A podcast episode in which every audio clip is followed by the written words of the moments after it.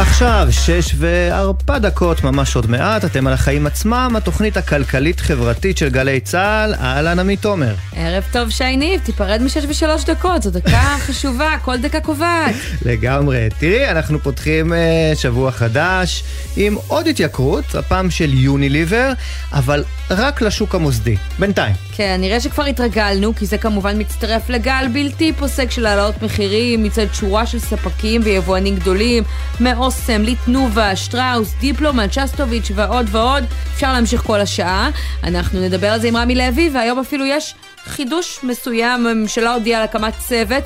עוד צוות שייאבק ביוקר המחיה, הפעם בראשות ראש הממשלה נתניהו. כן, מזכיר לי איזה משהו בשם ועדת uh, טרכטנברג, ככה מהעשור הקודם, שעד היום, אגב, uh, לא כל ההמלצות שלה uh, יושמו.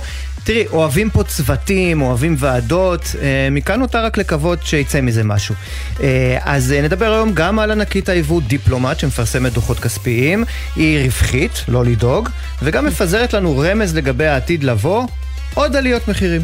כן, נדבר גם על רשות התחרות, שמרחיבה את הבדיקה להתנהלות הבנקים שהרוויחו הרבה בעקבות עליית הריבית, ולא בטוח שגלגלו אותו לגמרי לטובתנו. הצרכנים, כמובן שגם לשר הכלכלה היה מה להגיד על זה. בנוסף נסיים עם צעד מעניין, שמגיע מכיוון אילון מאסק. כן, מעניין מאוד אפילו, ה-FDA אישר לחברת ניורלניק, uh, זה שמה של מאסק, להתחיל ניסויים בבני אדם, ובמילים אחרות, להשתיל שבבים בתוך הראש, בשלב הראשון למטרות בריאותיות. זה באמת נשמע מעניין, אבל יש לנו עוד הרבה להספיק. Uh, מה הכותרת שלך, עמית? את ברנר ארנו אתה מכיר? אה, לא, תזכירי לי. הוא רק האדם הכי עשיר בעולם, הבעלים של לואי ויטון, גוצ'י אה, ועוד ועוד. בגלל זה אני לא מכיר אותו. שווה כן, להכיר, אוקיי. כן. אבל הנה סיפור יפה על איך בכל זאת כסף לא תמיד קונה הכל. ארנו רצה להקים מלון בוטיק יוקרתי בבברלי הילס, עם מועדון פרטי וכל הפסיליטיז, פרויקט ענק. וטען שלא רק הוא ייהנה ממנו, אלא גם הציבור. כי המיסים ויתר התשלומים לעירייה היו אמורים להכניס לבברלי הילס סכום אדיר של כ-800 מיליון דולר. אבל חלק מהתושבים חשבו בכל זאת שיש דברים יותר חשובים מכסף, וטענו שהמבנה יסתיר את הנוף, אותי. את הפקקים, למה? שהחבר'ה בבברלי הילס אומרים שיש דברים יותר אה, חשובים מכסף. כן, כשאתה גר בבברלי הילס, כן, אין ספק. האמת, האירוניה מתה. אז אה, לאחר שארגון אה, התנגד לפרויקט והצליח לאסוף מספיק חתימות, התקיימה הצבעה, וארנו וקבוצתו הפסידו בהפרש קל. מטעמו של המיליארדר נמסר שאם ההצבעה הסופית תאשר שהמצביעים דחו את הפרויקט שלהם, אנו נכבד את התוצאה ולא נקדם בשום דרך את פרויקט המלון. וזאת לא הפעם הראשונה שארנו מתקפל מול ביקורת בשנה שעברה. הוא מכר את המטוס הפרטי שלו אחרי שגולשים בטוויטר החלו לעקוב אחר מסלול ההמראות שלו ולדבר על הנזק הסביבתי. ולמה אני מספרת את זה? כי בתקופה שבה יש אצלנו ויכוח באיזה כפפות צריך לנהוג בחברות הגדולות והחזקות של המשק, הדוגמאות הללו מוכיחות ששילוב בין ביקורת ציבורית למספיק רגולציה יכולות לרסן אפילו את האיש החזק והעמיד ביותר בעולם. יפה. תשמעי, עוד קצת בענייני uh, מלונות. כן. הכותרת שלי לא מגיעה היום מהעיתון, אלא כמו שאנחנו אוהבים לומר פה, מהחיים עצמם. אה, יום שישי אני מציין אה, ככה בקטנה 15 שנות נישואים. מזל לא טוב. לא מספר עגול, עדיין חתיכת אה, מספר. אז אמרתי נזמין לנו צימר אה, בראש פינה, אנחנו אוהבים את ראש פינה, שם גם היה הצימר שבו הגשתי בזמנו את ההצעה שאי אפשר היה לסרב לה, אופה. כמובן. מפה לשם, המחיר שלי ל... אה, המחיר של הצימר, שהיה נחמד, אגב, אני בכוונה אומר צימר נחמד ולא הרבה יותר מזה, אה, שימי לב, 1,700 שקל ללילה, לילה אחד, כולל ארוחת בוקר שמזמינים לך מאיזה ספק חיצוני. אני מדבר כן. איתך על צימר שנמצא מעל קומת מגורים של משפחה. אה, לא- כמו יחידת דיור כזאת. ממש ככה למעלה, את יודעת איפה, כמו כמעט עליית גג, לא איזה בית מבודד אה, משלך עם גינה. בוא נגיד שכנראה שאם לא היו. קוראים לזה צימר זה היה שכר הדירה לחודש. כנראה. תשמעי, אחר כך, את יודעת, בשביל הספורט בדקתי כמה יעלה נגיד לילה אחד ביום חמישי ביערות הכרמל. תחזיקי חזק, החל, החל מ-2,700 שקל ללילה אחד. 2,700 כבר? החל. וואו. החל, כן. אז מכיוון שאני בחור ספורטיבי, לקחתי את הספורט הזה עד הסוף ואמרתי לעצמי שבמחיר של ראש פינה אני מוצא טיסות לחו"ל, פלוס מלון טוב עם ציון של תשע ומעלה בדירוגים. מצאתי כמה אופציות כאלה בקפריסין, בסוף סגרתי דווקא בכרתים, יוון, ריזורט ללילה אחד, הכל כלול, דירוג מעולה על צוק של איזה חוף מדהים, באמת בעיירת דייגים קטנה. 167 יורו לחדר עם נוף לגינה, 207 עם נוף לים, לקחתי את הים, מן הסתם. עכשיו למסקנה... רגע, לקחת, סגרת, קנית? נשבע לך. הזמנת גם לי? עוד לא. זיל הזול. עכשיו למסקנה העגומה, כן? כן. היינו בחלק הכיף. תראי, הסיפור של יוקר המחיה זה לא רק לשרוד את מחירי הלחם והחלב וכל מה שנכנס לנו מקרר, כי גם מי שמצליח להסתדר איכשהו עם המחירים פה, לא רוצה להרגיש ששודדים אותו. ולפחות בכל מה שקשור לתיירות בארץ, זאת ממש התחושה, שודדים אותנו. וככה קורה שאנשים שרוצים לבלות בארץ היפה שלנו ומוכנים לשלם כסף טוב, לוקחים בסוף את הכסף שלהם למקום אחר. וחבל. בהחלט, וזה גם אה, מתחבר לשיחה הבאה שלנו. אז uh, נתחיל. יאללה. אז אם... דיב... אז אם אה, דיברנו על יוקר המחיה, הוא מסביבנו לא רק בתיירות, אלא בכל מקום, במוצרים היותר והפחות בסיסיים. השבוע התייקרו מוצרי דיפלומט וגם המוצרים שאינם חלב של תנובה, אלו שהמחיר שלהם עדיין לא זינק, ועליות המחירים הללו הצטרפו לשטראוס, ליימן שליסל ושסטוביץ', שאת המכרונים החדשים שלהם כבר אפשר ממש לראות על המדף. יש עוד הרבה אחרות שבדרך. והיום ראש הממשלה, נתניהו, כמעט שמונה חודשים אחרי הבחירות שהוא רץ בהם, נזכיר, על הטיקט של יוקר המחיה, נזכר סוף סוף לשים את הנושא בחזית ישיבת הממשלה. בואו נשמע אותו. אני אעמוד בראש הוועדה הזאת, יחד עם שר האוצר, שר הכלכלה, שרים נוספים וגורמי מקצוע. אני מבקש מוועדת השרים להביא לי תוכנית עבודה עם לוח זמני מפורט וברור למאבק ביוקר המחיה בכל האמצעים, בכללם עידוד התחרות, הורדת מכסים, וירת מונופולים. המלחמה ביוקר המחיה נמצאת בראש סדר העדיפות הלאומית של הממשלה שלנו. בראש סדר העדיפות הלאומית, עמית. הוא גם יעמוד בראש הוועדה, כן. וזה יהיה גם בראש, בראש סדר העדיפות העולמית, אבל נשאל... מבטיח. כן, השאלה האם עוד ועדה זה מה שאנחנו צריכים, ונזכיר אה, ככה, יש גם ועדה של אנשי מקצוע במשרד האוצר שאמורה לקום, לבור אם זה במקום או בנוסף, אה, ובסופו של דבר הרבה מאוד ועדות, מעט מאוד מעשים בינתיים, אנחנו עוד בשלב הדיבורים, אז בואו נדבר. רמי לוי, מנכ"ל ובעלי רמי לוי שיווק השקמה, איתנו על הקו עכשיו, שלום. שלום וברכה. שלום, עמית ושי. למרות שרמי גם עושה, הוא לא בחלק רק של הדיבור. בהחלט, בהחלט. רמי, אנחנו uh, שומעים את הדברים האלה של ראש הממשלה נתניהו, אני מניחה ששמעת אותם גם. מה אתה חושב, השתכנעת? תראי, יכול להיות שיש לו רצון, אבל אני רוצה לקרוא לו מפה, שיבינו דבר אחד. מי שריכוזי, מי שמונופולוסטי ומי שכוחני, זה המדינה. תסביר. יש שם רגולציה, יש שם מכסים, יש שם מיסים. יש שם מכסות שלא צריך להיות בכלל מכסות, צריכים לפתוח את השוק באופן חופשי. והוא לא יודע את זה, ראש הממשלה, הוא לא צריך ועדה בשביל זה. יכול להיות שהוא יודע את זה, ויכול להיות שהוא הולך לטפל יחד עם אה, שר הכלכלה ושר האוצר, אולי יש להם רצון, אבל זה א' ב' של העניין, שתבינו דבר אחד, בסקטור העסקי הפרטי יש תחרות. איפה שאין תחרות, ואיפה שמי שמעלה את המכסים, את הארנונה, את המיסים, ששם מכסות שלא צריך בכלל מכסות, זה המדינה. אם תבואי אליי למדף, תראי משחת שיניים מ-4 שקל 90 עד 10, 12 ו-13 שקל. תראי שם פה מ-5 שקלים עד... אה, בוא נגיד 12, 15 ו-17 שקל. Mm. את רואה שיש תחרות על המדף. אז הנה, דווקא זה מראה שאולי אפשר למכור יותר בזול, אז מה הקשר למדינה? המדינה היא ככה, את המכסים ומיסים וכל מה שקשור בנושא הזה, שהיא צריכה לטפל, להוריד מכסים. אבל הנה, אתה אומר מכסים ומיסים, ועדיין אני מצליח למכור בחמישה שקלים, מה שאולי המותגים הרשמיים מוכרים בעשרה שקלים, סתם זורקת מספרים, אבל יש מנעד מאוד רחב על המדף. האם זה לא אומר שאותם מותגים גדולים, אותם מונופולים, עושים עלינו אה, קופה רצינית מאוד אם אפשר למכור בעשרות אני... אחוזים פחות? זה גם חלק מהעניין. בא... אני בא ואומר, תשמעו, הצרכן צריך להבין שיש לו כוח עצום בידיים. שאם הוא רואה דבר יקר, יש לו אלטרנטיבה על המדף. איפה אין אלטרנטיבה? כשמעלים את הדלק, הדלק אין אלטרנטיבה. כשמעלים את המע"מ, כשמעלים, סליחה, את הארנונה אין אלטרנטיבה. כששמים מע"מ על מוצרים שלא צריך לשים, אין אלטרנטיבה. כששמים מכסים. תראי, קחי דוגמת הדבש. למה אני צריך לשלם 17 שקל לקילו דבש? באמת, המדינה רוצה את הקברן, זה נקרא קברן, אה, לבוא ולתמוך בו, והיא צריכה לתמוך בו, שתתמוך בו. למה הצרכן צריך אה, לתמוך בו? את הדבש, רק נזכיר, רמי, אה, לא החריגו מרפורמת היבוא האחרונה, עד כמה שאני זוכר, ועל זה אתה מדבר. אני בא ואומר, מכסות על שמן זית, למה צריך מכסות? צריכים באמת לתמוך בחקלאי, שהמדינה תתמוך בחקלאי ולא הצרכן. היום כל מי שתומך היום בחקלאי ובתעשיין זה הצרכן. כי מטילים בסופו של דבר מכסים ומיסים איפה שלא צריך להטיל. אז אתה אומר להפחית יותר מכסים.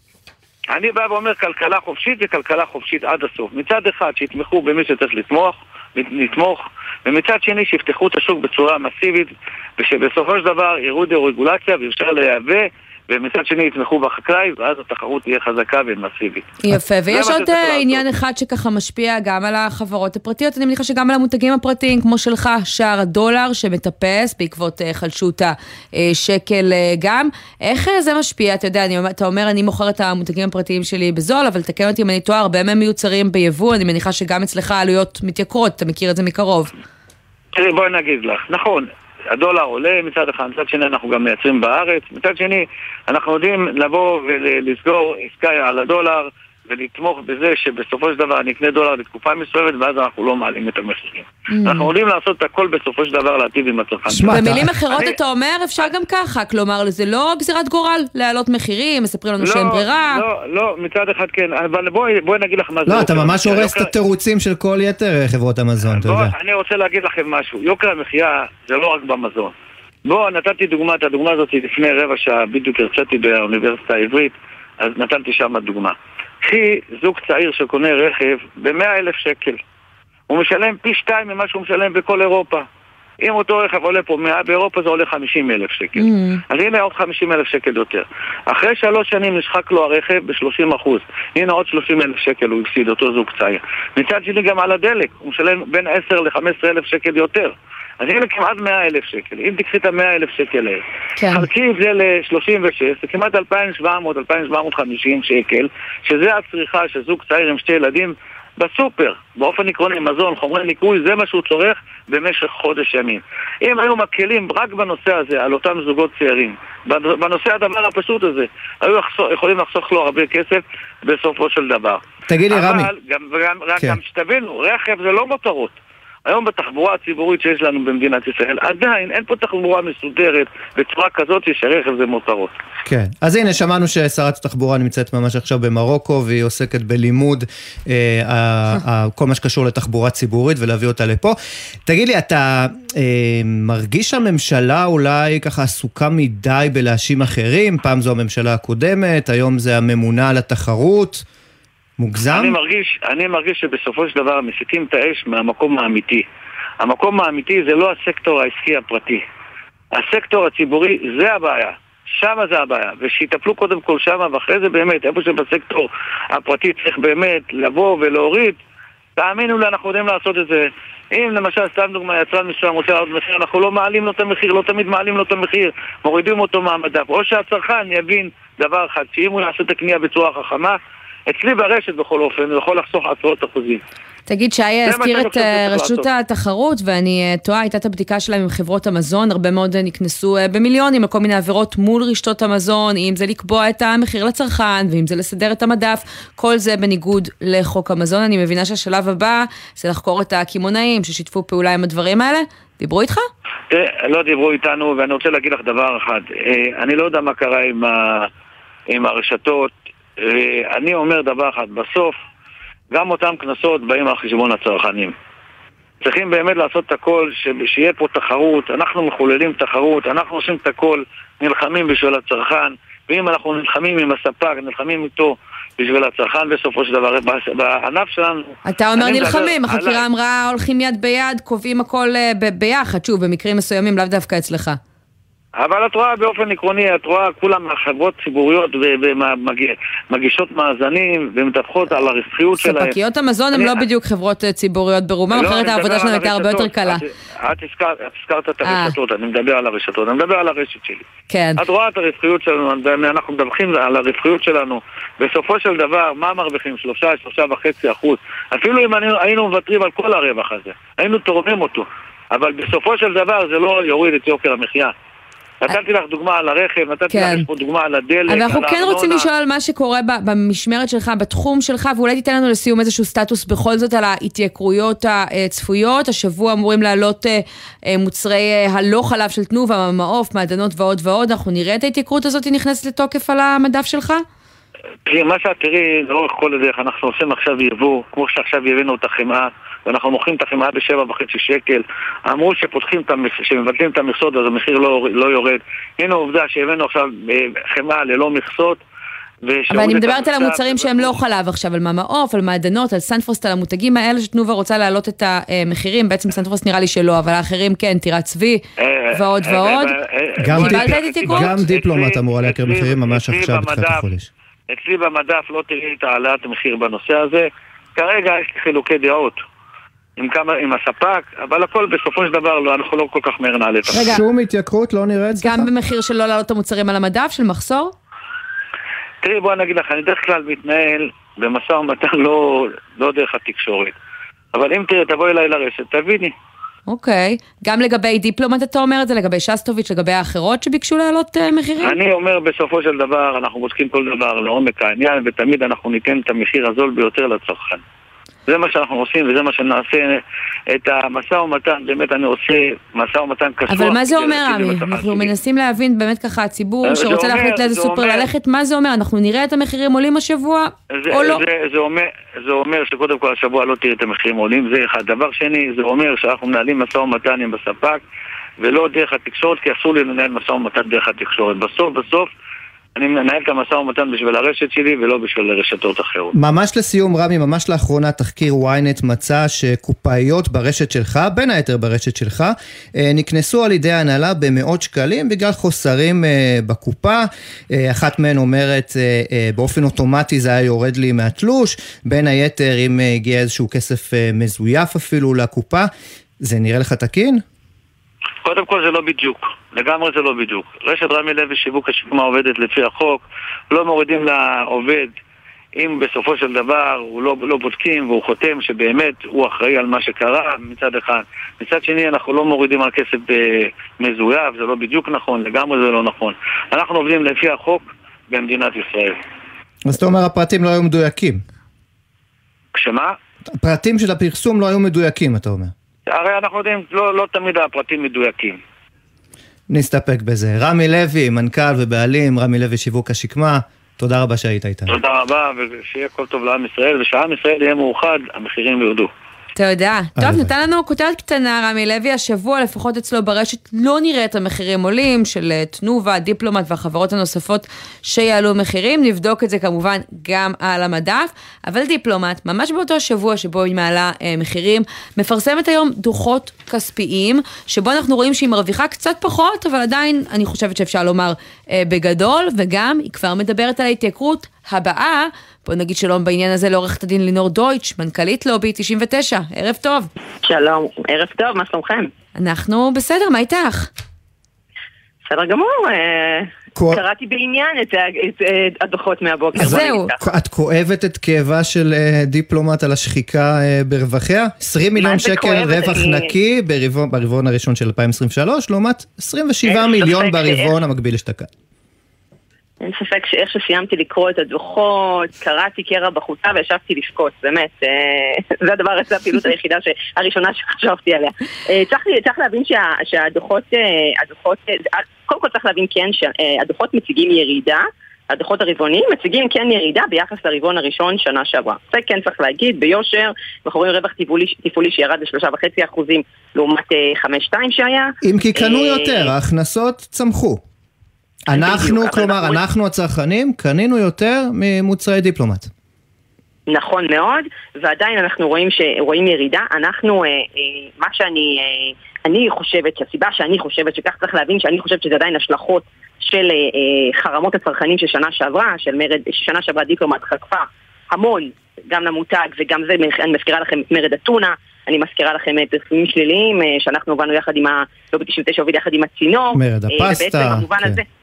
מרד הפסטה, מרד אתונה, מרד הקורנפלקס, הייתה שנה של חרמות צרכנים שבעצם אה, זה- אה, נמשכו אחד אחרי השני. אז זה לא, זה לא מרד שנכשל, אבל אם אני מסתכל עכשיו על המספרים פה. אז קודם כל, אה, שנייה, אז רגע, אז קודם כל חשוב להגיד ששנה שעברה הוא עבד, וגם אני חושבת שכל הזהירות הזאת של הרבעון הראשון, שאם אתה רואה את הירידה הזאת, שלמרות הגדילה במכירות, אני חושבת שבסופו של יום היא גלגלה, אנחנו כן רואים ביטול מבצעים של אה, בסוף הרבעון, האחרון של 2022, אבל אנחנו עדיין לא רואים עלייה דרמטית. העלייה הדרמטית אנחנו יודעים שהגיעה עכשיו, בתחילת מאי. בעצם בתחילת מאי דיפלומט יצא בהצהרות על העלאות של 25 אחוזים, שזה העלאות מטורפות, אוקיי? אוקיי. עכשיו בואו בוא ננתח מה קרה, בואו בוא ננתח מה קרה בעצם בין הרבעון הראשון לתחילת מאי, מה, מה קרה בפער הזה, מה לדעתי קרה, כמובן, את יודעת, הכל זה כמובן השערות, אבל, אה, אבל אנחנו, אה, מה, מה, מה אנחנו לא רואים? קודם כל, למה אני לא בוכה, אה, למה אני לא בוכה על, על הירידה הזאת? כי הירידה הזאת, היא, קודם כל, היא לא מדברת על, על העובדה של, שה... שהיא לא מדברת על העובדה שבעצם כמה, את זה שהם העלו את המחירים בתקופת הקורונה כשמחירי ההובלה ירדו, אבל עכשיו mm. שמחירי ההובלה צנחו, המחירים נשארו גבוהים. היא לא מדברת על זה של השנים שבהם השקל היה חזק מול הדולר, היא צריכה לקנות מוצרים שלה בזול מהספקים ועדיין נשאר המחירים גבוהים. אבל זה לא עונה על לא השאלה איך בסופו של דבר, אחרי כל החרמות, ושחשבנו שפיתחנו מודעות צרכנית, קונים ממנה לא פחות, יותר. אז, אז אוקיי, זה מה שקורה בשוק לא תחרותי. אנחנו חיים, אנחנו נמצאים בשוק לא תחרותי, והנה ההוכחה הקלאסית, כי עשינו חרמות, מה קרה? היה חרם, חרם, חרם, חרם, חרם. החרמות עבדו זמנית, mm. אבל בשלב מסוים חברות, החברות העלו מחירים בו זמנית, אוקיי? בסיבות, איך שהגענו בעצם, אם אתם זוכרים, באוקטובר-נובמבר. כן. כל החברות העלו בו זמנית, הם הבינו את השיטה שכל פעם אנחנו מחרימים חברה אחרת. העלו כולם בו זמנית, ואז אתה מגיע לאיזושהי... זה מה שאת חושבת שקרה אגב, הם הבינו את השיטה שכל פעם אתם מחרימים חברה אחרת ולכן הם החליטו להעלות את המחירים ביחד, כמו שאנחנו רואים עכשיו? כמובן שאת יודעת, אני נזהרת עם, ה, עם, ה, עם התיאורים, אבל לדעתי חד משמעית כן, מה זאת אומרת? איך זה, זה, זה, המחירים באופן פלאי כל החברות העלו מחירים בו זמנית. עכשיו הצרכנים בסופו של דבר חייבים לקנות אוכל. לא שיש להם ברירה, אנחנו חיים בסוף שבשוק כל כך ריכוזי, יש לה חמישה מגה מונופולים ושני מונופולים ענקיים ביבוא. בסופו של דבר את מגיעה לתקרה כשחמש חברות, שבע חברות מעלות את המחיר בו זמנית, זה לא איזה תיאום אה, מטורף שצריך לעשות כן. עכשיו בין עשרות חברות. בסופו של דבר, הצרכן מגיע לשוקת שבורה, אין לו ברירה, הוא חייב לקנות מזון. אז אני רוצה לתפוס אותך על המילה חייב ולקנות מזון. כי את יודעת, אני מבין, היינו מדברים עכשיו על הלחם ועל החלב, אבל עם כל הכבוד, דיפלומט, אני תוהה באמת למה העניין שלנו בא, כי תראי, היא מוכרת סוג מסוים של טונה, וסוג מסוים של שוקולד, וסוג מסוים שלושה. של פסטה, ו- וכמה סוגים, כן, של פסטה, ו- וסוג מסוים של קטשופ, נדמה לי שזה סוג אחד. כן. Uh, ואנחנו לא באמת חייבים. אז כן, פה, פה קודם כל אני קצת חלוקה עליך, כי דיפלומט מייבאת כל כך הרבה מוצרים, ואם לצורך העניין היא מייבאת את ג'ילט... אז לא נקנה את השוקולד אה, מילקה. עכשיו, אין ספק, אין ספק שיש אחריות לעניין של, אה, אה, של גמילה ממותגים, ואני חושבת שבמובן הזה החברה הישראלית בשנה וחצי האחרונות, מאז שאנחנו פתחנו במרד הפסטה, כן עוברת תהליך של שינוי וכן מראה נכונות לקנות דברים שאינם מותגים. ברור שיש עוד דרך ארוכה לעשות בהקשר הזה, כן. אבל אני כן חושבת שגם שאין דרך להימנע כמעט מהמוצרים שלהם. א', כי אתה בכלל לא יודע הדר, השיטה, באמת היכולת שלך לדעת את כל המוצרים שהם אה, מייבאים. מה שייך לדיפלומט מאחורי האריזה. כמות מטורפת של מוצרים. כן. בעצם באמת בכמעט כל, בכל השדות, בתיאולטיקה, בתמרוקים, במזון, קשה מאוד בכלל להימנע מזה גם כשאתה רוצה חרם, אוקיי? ודבר שלישי, באמת אתה... עכשיו... אה, אה, רגע, אז בואי נסתכל, לינור, אבל לסיום שנייה על המשך הדרך. כי ההתייקרות הנוכחית של דיפלומט עוד לא נכנסה לתוקף, וכבר החברה כותבת בדוחות הכספיים שלה שהיא מעריכה שהיצרנים שלה ימשיכו להעלות מחירים במהלך השנה, והיא תגלגל את זה לצרכנים. זאת uh, גזירת גורל? את אומרת בעצם כבר למדו uh, שיטה ואין מה לעשות כדי להילחם בזה או מה? זהו, אז, אז שנייה, אז פה, פה אנחנו מגיעים לבית, לנקודה באמת שאני הכי רוצה להתמקד בה, כי הרי מה קרה פתאום? למה פתאום דיפלומט לא מפחדת מחרמות צרכנים? מה, מה, מה השתנה במדינה מה-4 בינואר עד היום? הרי מה השתנה מהרבעון הקודם להיום? מה שקורה זה שכל התשומת לב הצרכנית, בעצם של הציבור, לא הצרכנית, כל תשומת לב הציבורית מופנית לבעד ונגד הרפורמה, אוקיי? למלחמה ברפורמה המשפטית, או בעד הרפורמה המשפטית או נגד הרפורמה המשפטית, זה לא משנה כרגע אה, באיזה צד הצרכן. כן. הקשב הציבורי נמצא שם. הממשלה איבדה את כוח ההרתעה שלה בגלל הדבר הזה, אוקיי? ובעצם לא נותרה שום, בעצם אין הרתעה צרכנית, אין הרתעה, אה, אין הרתעה ממשלתית, והחברות, לא רק דיפלומט אגב, אנחנו רואים באמת את כל שוק המזון משתולל בהעלאות. פה, למה אני אומרת? פה אנחנו בסוף חוזרים שוב לשורש של אותה בעיה של היעדר התחרות. הרי אם היה פה שוק תחרותי, האם את חושבת שדיפלומט הייתה בוכה לרווח טיפולי של שלושה וחצי אחוזים? הרי בדרום אפריקה ובניו זילנד, שניו זילנד היא גם כלכלת אי, היא שם מרוויחה, עומדת על סף רווח של 1.8%, והיא חיה עם זה נהדר. למה בישראל היא צריכה להיות עם רווח כפול? היא רוצה לחזור לרווח הקודם של מעל 5%. למה? אוקיי. כי היא יכולה. אגב, נדמה לי שאת הרווח לא הגדול ביותר היא גוזרת בקפריסין, אם אני זוכר נכון מהדוחות. זה נכון, אוקיי, אז יופי, אז יש מקום שהוא יותר גרוע. אנחנו חייבים לסיים, ואנחנו נמשיך אה, לעקוב איתך אחרי דיפלומט ובכלל. עורכת הדין לינור דויטש, מנכ"לית לובי 99, תודה רבה. תודה רבה, להתראות. ביי. ועל רקע הדברים האלה, ועל רקע העובדה שאנחנו אה, מדברים על זה שכל הזמן אה, המונופולים ממשיכים בשלהם, כי המדינה לא עושה מספיק כדי להצר את צעדיהם, הצעה חדשה שמתבשלת במשרד הכלכלה אולי תנסה לשנות את זה. זה קורה על רקע המאבק בין אה, ניר ברקת, שר הכלכלה, למיכל כהן, ראשת רשות התחרות, שבעצם ככה הוא מנסה להדיחה וטוען שהרשות לא עושה מספיק, טוען שזו התערבות פוליטית ברשות, אבל זה הציף איזושהי בעיה יותר אה, רחבה, שעכשיו מנסים לטפל בה, ואני חושבת שזה לא בהכרח דבר אה, רע, להגדיל את תקופת הצינון של אותם אה, עורכי דין וכלכלנים שיוצאים מרשות התחרות משנה לשלוש או ארבע שנים, כדי שלא ייווצר מצב שבזמן שאתה עובד בתוך אה, רשות התחרות, אתה חושב כבר על התפקיד הבא, ואולי חושש מלנקוט אה, צעדים נגד כל מיני חברות. זו הגרסה שמוסר לי אה, גורם במשרד הכלכלה לסיבה שצריך לעשות את זה. זהו, רציתי לומר, בהנחה ובאמת העיסוק הוא, או המניע הוא ענייני, ולא אה, מתוך אותו, אותם כיפופי ידיים שאנחנו רואים בשבוע האחרון. כן, אז אנחנו רוצים לדבר על זה עם מי שהיה שם ברשות, הוא מכיר את הנושא מקרוב, עורך הדין דרור שטרום, הממונה על הגבלים לשעבר, היום רשות התחרות. שלום דרור. שלום, שלום. מה אתה אומר על היוזמה הזאת של אה, משרד הכלכלה? תראי, יש הרבה מאוד uh, יוזמות, וכאדם שבשערו uh, ניצצות כמה שערות לבנות, אני שואל את עצמי באופן קבוע, מה יוצא בסוף uh, מעשית לצרכן בישראל, לעם בישראל מכל היוזמות האלה, אבל בלי להיות uh, ציני, לגופו של עניין, uh, אין ספק שתפקיד ה... ממונה על התחרות הוא תפקיד אה, חשוב, הוא בא במגע עם אה, גדולי התאגידים ומשפיע על גדולי התאגידים במשק, ולרצות אה, לדרוש תקופת צינון ארוכה זה בסדר גמור, כל עוד שגם משלמים לאותו אדם שיושב בבית, משלמים לו גם שכר הגון. על ההמתנה הזאת, וזה בסדר גמור. ולא עושים את זה אגב, נכון? כי אם אני לא טועה, בשלושת החודשים הראשונים לצינון משלמים 100% מהשכר, וביתר, בהמשך השנה, רק 70% מהשכר. אז זהו, יש באמת אה, אה, פער מאוד גדול בנושא הזה, ובאמת אה, אם אנחנו דורשים מאדם שישב בבית 4-5 אה, שנים בלי לקבל אה, שכר על הדברים, בטח לא שכר אה, הוגן, אז זה נראה קצת מוגזם, אבל מקובל עליי גם בתקופה הזאת, ואולי בעיקר בתקופה הזאת, שאנשים, במיוחד רגולטורים בכירים, אה, צריכים, גם כדי שצדק ייראה וגם הגינות וניטרליות ייראו, צריכים להיות בתקופות צינון משמעותיות. כן, מהצד השני, אתה יודע, אה, אומרים אה, בלשכת שר הכלכלה, גם בתגובה למכתב שאתם אה, פרסמתם, בתמיכה לממונה מיכל כהן, ראשי התחרות לדורותיה בשנים האחרונות, שמדובר באנשים שמינפו את תפקידם ברשות לטובת עשיית מיליונים במגזר הפרטי, ושהניסיון להצעת החוק הזה מגיע בסמיכות לכל הסיפור הזה. אני טועה אם אתה לא רואה קשר בין הדברים, אולי ניסיון ככה להרתיע אנשים שלא רוצים שיבואו מלעבוד ברשת התחרות וכולי. תראי, אני לא אכנס להשוואה המעניינת כשלעצמה בהון האישי של uh, שרים אל מול ממונים על התחרות. Uh, אגב, הציבור מוזמן לחפש את המיליונים אצלי בבית, אחרי שיגמר השידור כמובן, אבל... אה, הם לא שם? מדובר... לא, הם לא שם, הם uh, כנראה עברו דירה, אבל באמת לפעמים uh, בלהט היציאה לתקשורת uh, מופרכים דברים שהם כל כך חסרי בסיס, עד שבאמת זה מתחת לרמה אפילו להתייחס אליהם. כן. כן.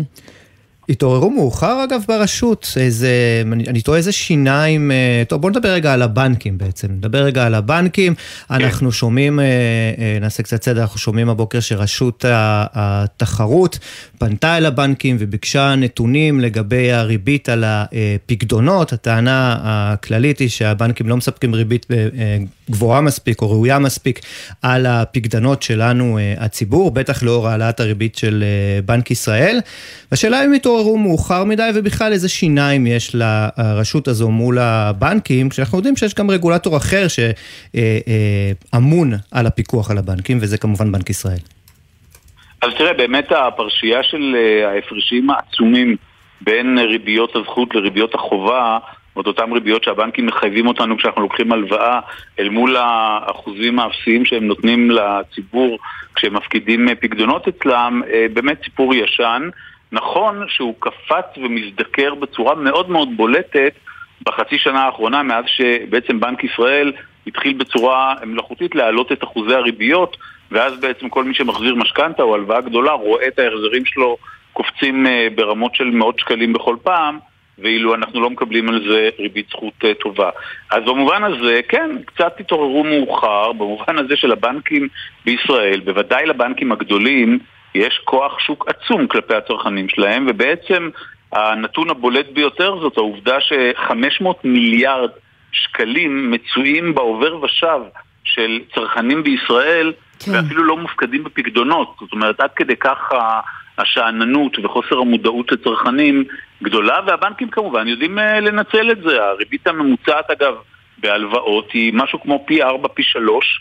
מאשר ריבית הזכות, וזה כבר אומר את הכל. השאלה שוב, מה השאלה... הרשות יכולה לעשות? כי תסתכל, אם, אם, אם אתה מסתכל על המפקח על הבנקים, רק בשבוע שעבר הוא אמר שהוא מצפה מהבנקים להגדיל את הריבית על הפקדונות, אבל באותה נשימה הוא הזכיר שהם לא חייבים. אה, אז, אז אתה יודע, השאלה מה רשות התחרות יכולה משהו... לעשות מהצד שלה. פה יש משהו מקומם מאוד מצד בכלל הרגולטורים או אותם אנשים שאחראים על אינטרס הציבור, כי הרי זה בעצם תפקידם.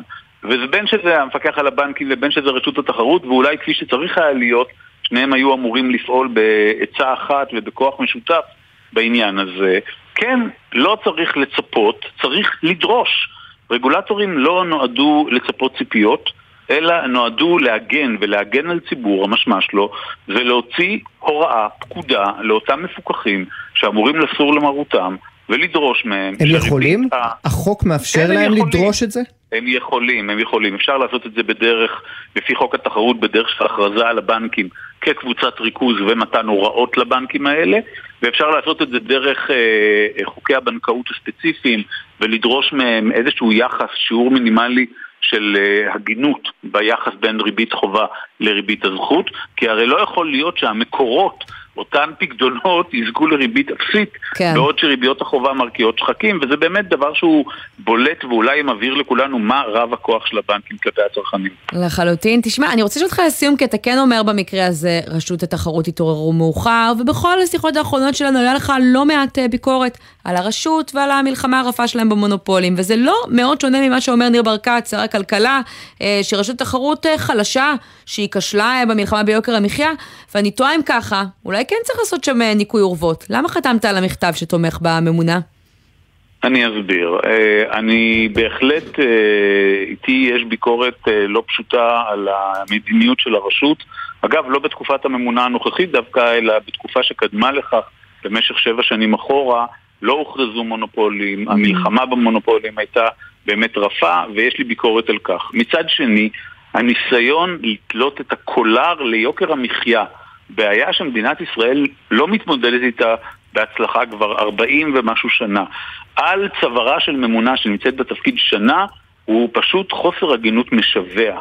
אם רוצים לבוא ולהעביר ביקורת בממשלה, לממשלה ולשר הכלכלה, יש זכות מלאה לקרוא אליו לממונה, להגיד לו, אני מבקש שתפעלי בהתאם למדיניות הכללית של הממשלה בתחום יוקר המחיה, ואז הממונה באמת תעמוד למבחן. אבל אי אפשר לבוא ולהדיח אישית אדם אחד ולנסות לצייר את הדברים כאילו הוא אישית אחראי לבעיית יוקר המחיה במדינת ישראל, כי זה פשוט שקר.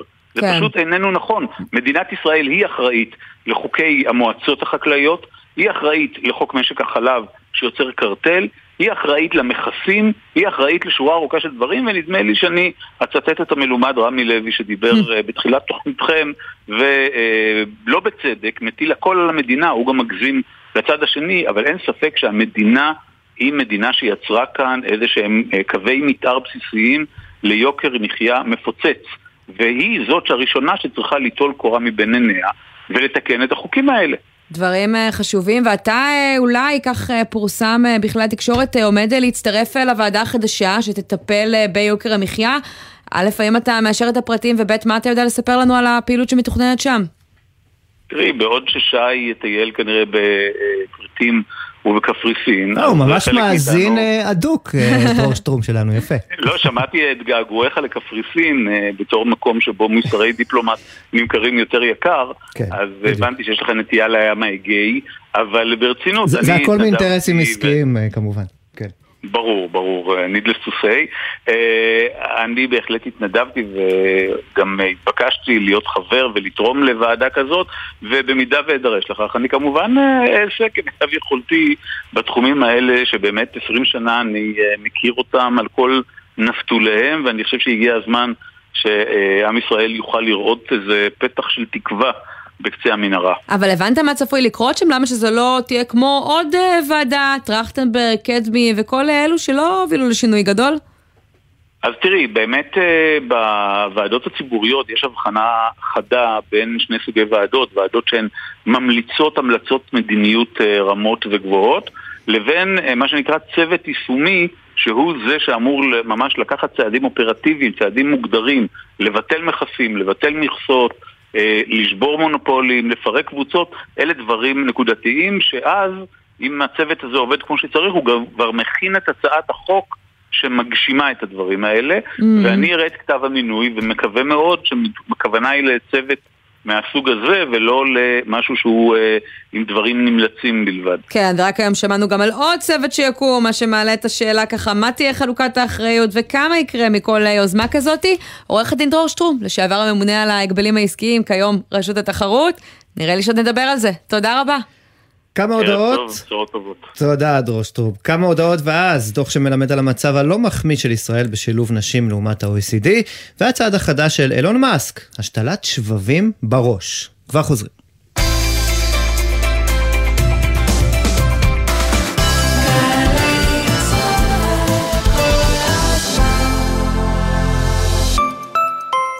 הכירו את שרה, אחות מיילדת בפנסיה. בכל חודש היא ילדה 45 תינוקות בממוצע, שזה בערך 540 לידות בשנה. אם תכפילו את זה ב-40 שנות עבודה, תבינו שמספר הילדים שהיא עזרה להביא לעולם יכול למלא איצטדיון שלם. אספקט, שרה. תנו כבוד למבוגרים שלנו. הם ראויים לזה. הביטוח הלאומי, לצדך ברגעים החשובים של החיים. הטכנולוגיות שלנו, הביטחון של החברה, האתגר שלכם. שירות בתי הסוהר, ארגון הכלייה הלאומי של ישראל, מזמין אתכם להתחבר לביטחון המדינה. כמשרתים בשב"ס, במתקני הכלייה או באחת היחידות המובחרות, תוכלו ליהנות מקריירה מאתגרת, משליחות חברתית וביטחונית, מהטבות, מענקים ותנאי קידום. מאות כבר הצטרפו, זה הזמן שלכם. פרטים, באתר שב"ס. חדש במכללת עזריאלי, תואר ראשון בהנדסה אזרחית. אתם מוזמנים להצטרף לחממה למהנדסי העתיד ולמהנדסות העתיד, ותוכלו לצאת עם תואר שאפשר לבנות עליו. עזריאלי, מכללה אקדמית להנדסה, ירושלים. לפרטים כוכבי 9087 בכל חמישי בחצות. שלום לך שחר אמנו. לילה טוב בן, מה המצב? זה הזמן. במזרחית. בן פראג' ושחר אמנו מארחים את אומני הזמר המזרחי המובילים. לילה טוב לאורח שלנו דוד זיגמן, ישי לוי, יוסי גיספן, שגיב כהן, חיים מוליאל, סמי לזבי. עם מוזיקה שמזכירה נשכחות והשיחות אל תוך הלילה. מי מגילה את זוהר? עכשיו הזמן במזרחית, חמישי בחצות, גלי צה"ל. עכשיו בגלי צה"ל, עמית תומר ושייני עם החיים עצמם. טוב, אז הזכרנו קצת את הנושא של uh, תקופת uh, צינון שחלה על uh, בעצם פקידים בשירות המדינה, תקופה של כשנה. שר הכלכלה רוצה להאריך את התקופה הזאת לשלוש ואפילו ארבע שנים, לפחות על הממונה על התחרות או על הממונים על התחרות בשנים הקרובות. אה, רשות התחרות חוששת לפעול משיקולים זרים, כך אומרים שם במשרד, המשפטנים שם רוצים לעבוד בגופים המפוקחים ביום שאחרי, סוד גלוי שצריך לשים לו סוף. רוצים להגיד שלום אה, לאמי פלמור, לשעבר מנכ"לית משרד המשפטים, אהלן אמי. היי, שלום שלום. מכירה את הסוגיה הזו ככה מקרוב הייתי אומר, את בעצמך ביקשת לקצר את uh, תקופת הצינון שלך אחרי מספ... משרד המשפטים. Uh, נענית בעצם uh, בסירוב על ידי בית המשפט, על, על ידי הוועדה בעצם הממונה. ספרי לנו קצת על המקרה הזה ולמה אפשר כן, לקצר לא לדעתך. זה, זה, זה, זה לא דומה, אבל אם צריך אז אני okay. אספר. אני רציתי להיות מועסקת כיועצת פרילנסרית. אה, לחברת לוטם, שהיא חברת ייעוץ ארגוני, וזה לא דומה בכלל ליחסים של רגולטור ומפוקח שלו. למרות שאת בזמנו, כשהיית מנכ"לית משרד המשפטים, חתמת להתקשרות עם אותה חברה בעלות של משהו כמו לא, שני אני מיליון שקלים. לא אני חתמתי, אבל חתמו תחתיי וקיבלתי את זה. בסופו של דבר, שמכיוון שחברת לוטם סיפקה שירותים למשרד המשפטים, שירותים כלליים, כמו שהיא סיפקה לכל משרדי הממשלה, למען מראית עין וטוהר המידות וכן הלאה, וקיבלתי את זה. זה כן. לא היה... ויש זה- הג- זה- יש הגזמה לדעתך בציפייה לתקופת צינון כזו או אחרת? אני חושבת, לא, אני חושבת שכשמדובר ברגולטורים, כלומר אנשים שבאופן אמיתי אה, עוסקים בהסדרה של שווקים כאלה ואחרים, שמחזיקים זכויות פיננסיות אדירות אה, שמשפיעות אה, על המשק, אה, זה יכול להיות אה, בפיקוח על הבנקים, זה יכול להיות אה, הממונה על התחרות, זה יכול להיות באגף תקציבים, זה יכול להיות בחשב הכללי, כלומר גם התקשרויות מאוד גדולות, הבחירה כן, ב- אז את קוראת להגדיל את תקופת הצינון שם באמת לשלוש, ארבע שנים, לא, כמו שאנחנו אני שומעים, לא- ב- שמתכוונים בחוק? קודם כל צריך להבין, אני, אני רוצה רגע להסביר משהו למי שמקשיב לנו. אה, קודם כל, הצינון כרעיון הוא רעיון מאוד מאוד חשוב, אבל הוא מייצר מתח בין הפגיעה בחופש העיסוק לבין מניעת ניגוד עניינים באמת ושמירה על טוהר המידות ואמון הציבור. אה, יש לדבר הזה הרבה משמעויות. גם, קודם כל, מי ש... תקופת צינון זה דבר שמשלמים עליו, כלומר המשלם המיסים במקום לשלם 70% משכרו של הרגולטור למשך אה, שנה כהצעתו של השר ברקת, ישלם במשך ארבע שנים שכר עבור, אה, אה, כדי לממן את אה, תקופת הצינון הזאת, זה מהצד האחד, אבל מהצד השני בהחלט יכול להיות שאנשים שידעו שבמשך ארבע שנים, על קדנציה של ארבע שנים לפעמים, הם לא יוכלו אחר כך לעבוד ארבע שנים בתחום המומחיות שלהם, בהחלט יחליטו שהם לא רוצים לבוא, וזה בסדר אגב. כלומר, את חושבת שזה ירחיק אנשים אה, טובים מהשירות הציבורי ומהתפקידים החשובים האלה? סליחה, לא הבנתי. אני אומרת, את חושבת שזה ירחיק אה, אנשים מלבצע את התפקידים כן. האלה, שלא יהיה להם ביקוש? אנחנו יודעים שכבר היום, אנחנו יודעים שכבר היום חלק מהמשרות האלה לא פשוט להביא אנשים אה, בכירים מתוך השוק הפרטי, בין השאר מכיוון שיש פערים עצומים בשכר בפני עצמו, כלומר זה לא רק שאתה אומר אני עכשיו אצטרך להסתפק אה, במשך כמה שנים ב-70% משכרי, זה גם 70% משכר שהוא נמוך יותר. ומעבר לזה, חופש העיסוק, וזה חשוב רגע להגיד את זה, זה לא רק עניין של השתכרות, אנשים גם באופן אמיתי רוצים פשוט להמשיך, לעבוד, לעשות דברים שהם אוהבים, שהם מבינים בהם, להתפתח בהם וכן הלאה. ועכשיו צריך להגיד משהו אחר, כי בגלל השאלה שלכם, בגלל שהזמנתם אותי להתראיין, הלכתי לראות מה עשו החשד הזה של השר ברקת על הממונה על התחרות, מה עשו קודמיה. נו. אז אה, מאוד מפתיע, מיכל אלפרין קודמתה שפרשה כבר לפני שנתיים, היא עמיתת מחקר בהרווארד והיא עוסקת באיזשהו מיזם בתחום החינוך. מעניין. לפניה היה פרופסור דיוויד גילו, מסתבר שהוא בא מהאוניברסיטה, הוא גם חזר, חזר לאוניברסיטה. לאוניברסיטת תל אביב, ואפילו עשה דוקטורט נוסף בכלכלה, כלומר לא הלך לשום אה, גוף מפוקח. לפני כן הייתה רונית קן, שהגיעה מתוך השירות הציבורי. אה, ושלוש שנים אחרי שהיא עזבה, היא, הלכה, היא הייתה דירקטורית ברציו. אז איך את מסבירה את אה, זה שזה מה שבוחרים עכשיו אה, לעשות? לטפל בזה? שר הכלכלה? אני לא יודעת, אני, אני, זה מאוד מאוד מפתיע אותי שזה מה ששר הכלכלה מייחס אה, למהלכים של רשות התחרות. אגב, חשוב רגע להגיד שכמי שהיו יועצים משפטיים ברשות התחרות יכלו מזמן לקום וללכת ולעבוד בשוק הפרטי, לא היו צריכים אה, בשביל זה, אגב, כמו שעשתה אה, בזמנו מיכל הלפרין. כן. הייתה יועצת משפטית של הרשות ועברה לשוק הפרטי. נכון, עכשיו, כן נגיד שההצעה הזאת תדבר ככל הנראה גם על אה, בכירים נוספים. גם מיכל כהן הייתה יועצת משפטית של רשות התחרות, יכלה בהחלט, אם הייתה רוצה, אה, לקום ולעבור לשוק הפרטי. אורי שוורץ, שהיועץ משפטי לפניה, הלך להיות יועץ משפטי של משרד הבריאות, כלומר, והיום הלך ל-OECD כדי לעסוק בתחום התחרות. כלומר, החשד לא מבוסס על איזושהי היסטוריה של דלתות מסתובבות שאמורה הייתה לגרום לשר לחשוד שזה המניע אה, להתנהלות כזו או אחרת של הממונה. אה, האם הנושא כנושא הוא נושא חשוב, ראוי לדיון? בוודאי. אגב, בהחלט. לובי 99 כבר שנים אומר שצריך להאריך את תקופת כן. הציון.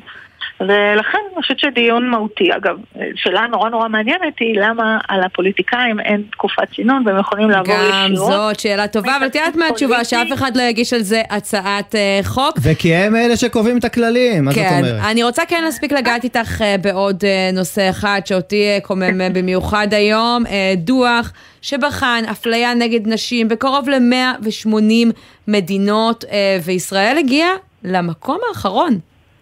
איך זה קורה? אה, כן, ראיתי את הדוח הזה, הוא דוח מאוד מאוד מטריד וניסיתי להבין את הפרמטרים שעל פיהם אה, נבחנה הסוגיה הזאת.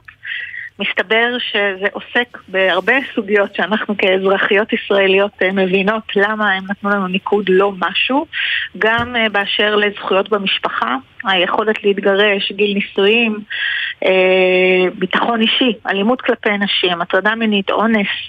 אה, זכויות קניין וזכויות כלכליות. אגב, אם אנחנו חושבים על כל הנשים הישראליות, כן? זה כולל גם נשים חרדיות, נשים ערביות, נשים בדואיות. אה, ומסתבר שבאחד הפרמטרים הגרועים ביותר הוא בהקשר של אה, זכויות פוליטיות. וכשאנחנו זוכרים, קודם כל במצב הייצוג של נשים בכנסת מצד אחד, וזה שיש מפלגות שבהן אין נשים בהגדרה. ולא הייתה שום התערבות ממשית של המדינה בתופעה הזאת, אז אנחנו יכולים להבין למה למשל בהקשר של זכויות אה, אזרח, ישראל מדורגת אה, אפילו יותר נמוך מהממוצע באסיה. כלומר, אם משווים את עצמנו ל-OECD, אפשר להגיד מילא.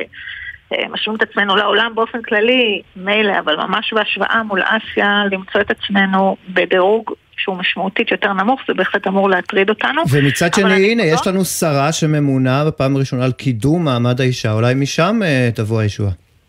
אה, בוא נגיד שדוח כזה, שנעשה אגב במרץ, הוא עושה, הוא נמדד, המדידה נעשתה בין מרץ 22 למרץ 23, כלומר זה טרי טרי, אה, זה ממש מתנה לשרה מאי גולן שנכנסה עכשיו לתפקידה, ונותן לה רשימה של נושאים שאפשר לטפל בהם כאן ועכשיו, לא צריך להתאמץ, לא צריך לשבור את הראש, אפשר לבחור את הנושאים האלה ולהתחיל לטפל בהם אחד אחר השני. באמת, אחד, אחד אחר השני, ומאחר והרשות לקידום מעמד האישה נמצאת תחתיה, יש לה גם זרוע שיכולה להתחיל לקדם את הדבר הזה אה, עבורה, וכדאי, כדאי שנעשה את זה לא רק כי אנחנו נראים לא טוב בעולם, כן. אלא כי הדבר הזה משקף באופן אמיתי בעיה שהציבור הישראלי מדבר עליה בשגרה, לא רק אז בהקשרים של... תני אה, לסיום ככה לשרה החדשה אולי איזה טיפ, במה שווה להתחיל, איפה הסוגיה הבוערת שאפשר ככה לעשות דרכה שינוי, אה, מה שנקרא, במיידי. אה, ככל הנראה הדבר המתבקש יהיה לשים זרקור על המשרות הבכירות, גם בחברות הממשלתיות וגם בתוך השירות הציבורי. אנחנו יודעים שיש רק מנכ"לית אחת בכל השירות הציבורי כיום, זאת אה, דוקטור גלי סמבירה שעובדת במשרד מאוד מאוד קטן, שהוא המשרד של השרה גלית דיסטל אטבריאן. אה, העובדה שאין נשים בצמתים האלה של קבלת ההחלטות הגדולות והחשובות אה, היא עובדה שמקרינה על כל שרשרת הנשים שנמצאת מתחת וגם על היכולת של גברים ונשים לימים לדמיין אישה בתפקיד בכיר ולפיכך לבחור בה. כלומר, ככל שאין מודל כזה, כך יהיה קשה יותר אה, להביא נשים לתפקידים האלה. אז בהחלט להתחיל מתוך הממשלה, כי להשתלט עכשיו על המגזר העסקי זה יהיה מסובך, לשנות את הדין הדתי במדינת ישראל שמשפיע על דיני הגירושים. אני באמת אומרת את זה, כלומר יש פה סוגיות מאוד חשובות וגדולות, לא הייתי מוותרת על אף אחת מהן, אבל אם להתחיל ממשהו, אפשר להתחיל בבית. אה, והבית הוא הממשלה. להנכיח יותר והמינויים. באמת יש הרבה פעמים פער בין מה. שאמור לקרות לבין מה שקורה, אנחנו רואים את זה כל שנה בדוח הממונה על השכר ובדוחות אה, אחרים, אה, ויש על מה לעבוד. עורכת הדין אמי פלמור, לשעבר מנכ"לית משרד המשפטים, תודה רבה שדיברת איתנו. תודה לכם.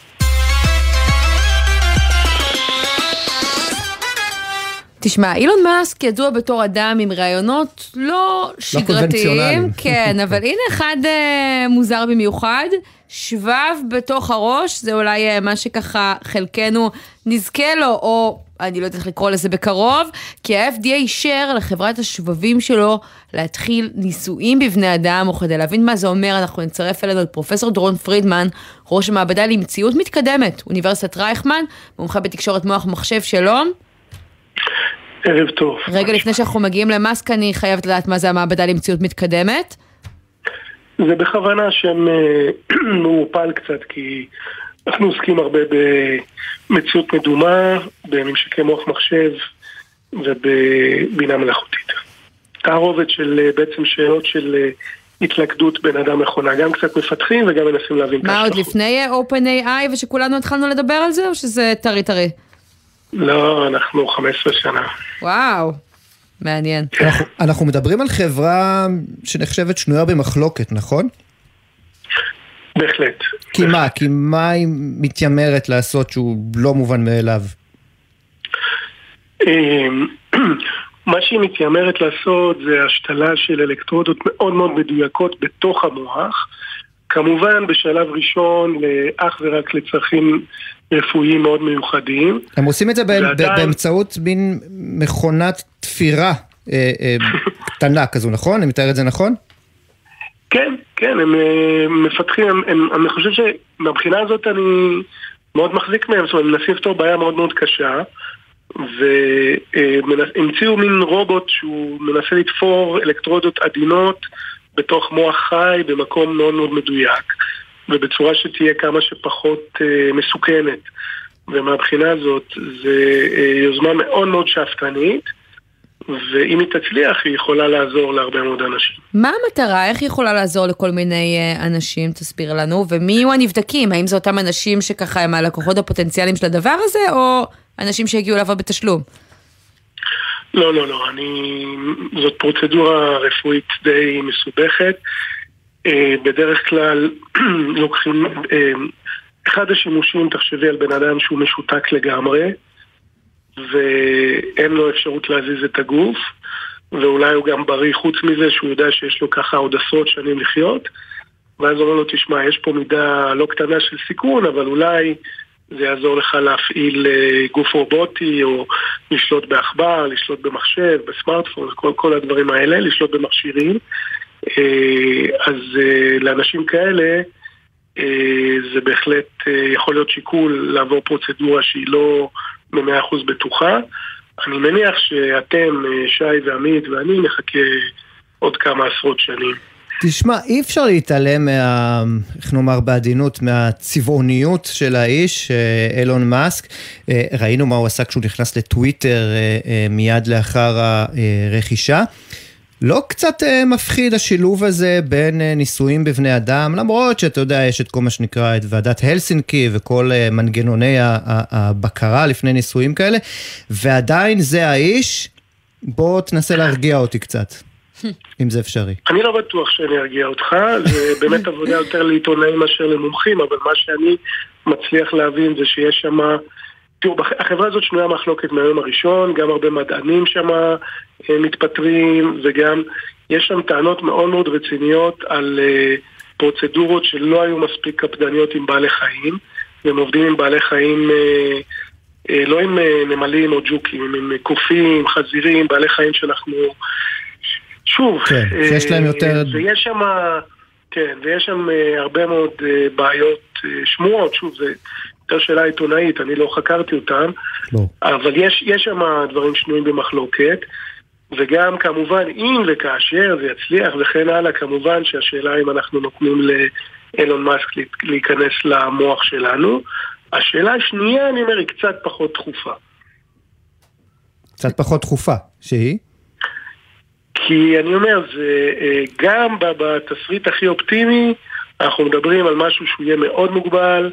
אני רוצה להאמין ש, שכל העולם והעובדים והרשויות וה-FDA יגבילו את זה למקרים רפואיים מאוד מאוד אה, ספציפיים, ועד שלא תהיה בטיחות ברמה מאוד גבוהה, אז גם, גם בעולם הרפואי, מדובר על- בדרך כלל מתחילים עם נבדק אחד, שניים, הם ביקשו נדמה לי עשרה, אני גם לא... אה, לא כן. מדובר פה על מסות של אנשים. כן. טוב, בסדר, זאת רק אה, התחלה, אבל אין ספק שצריך לראות איך אה, זה יתקדם, כי הדלקת פה כמה נורות אה, אזהרה. את מתנדבת? להיות הראשונה בניסוי? תרמתי במשרד, איך אומרים? כן. פרופסור דורון פרידמן, ראש המעבדה למציאות מתקדמת, אוניברסיטת רייכמן, מומחה בתקשורת מוח מחשב. תודה רבה לך שדיברת איתנו. ונגיד תודה לעורך שלנו בנצר, למפיקות עמליה זקס לוי ונועה ברנס, לצידן הוד בראל, על הביצוע הטכני אלה מוטולה, עורך הדיגיטל רן לוי, מיד אחרינו 360 ביום עם עידן קבלר. עמית עומר, תודה רבה. תודה רבה שי, אבל נשארה לנו עוד 40 שניות, זה לא קורה כמעט, ספר לי משהו לסיום. משהו לסיום? כן. חוץ מזה שסגרתי שם בכרתים? נו, אז ספר קצת על כרתים, מה, מה עושים, מה התוכניות? תשמעי, שוב, בעיקר העניין הוא השוד פה בארץ, זה לא היה מתוכנן לטוס אה, לחו"ל, ממש לא, אבל... אה, זה היה במקום ראש value פינה? for money, ואנחנו בתוכנית כלכלית. כן. זה היה במקום ראש פינה, באותו תקציב פלוס מינוס, והנה, תסיק. האמת, אז הנה קיבלתם טיפ טוב, הפעם הבאה שאתם סוגרים איזה סופש בארץ, אנחנו כבר לא בימי קורונה, אנחנו גם רוצים לעודד תחרות ישראלית, אבל לא בכל מחיר. לגמרי, לטייל פה בארץ. תבדקו את המחיר, להתראות.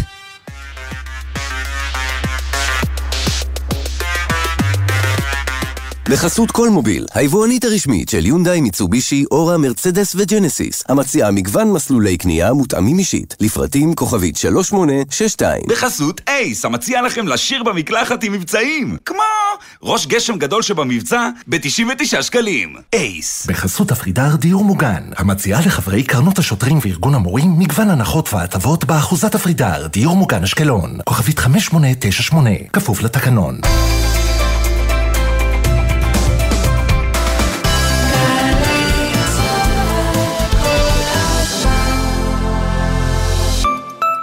שלום, כאן יוחנן פלסנר, נשיא המכון הישראלי לדמוקרטיה. השבוע ייערך כנס אלי הורוביץ, הכנס המרכזי לכלכלה וחברה. על רקע האתגרים בכלכלה העולמית, נשב יחד מומחים מהמגזר הציבורי, העסקי והאזרחי, לגיבוש חזון למשק ולהייטק, ונדון ביוקר המחיה ובמעמד השלטון המקומי. פרטים באתר המכון הישראלי לדמוקרטיה. מגדל דוד, מוזיאון ירושלים מחדש. לגלות את ירושלים בתערוכה חדשנית המספרת את סיפורה של העיר. הפתיחה ב-1 ביוני. פרטים באתר.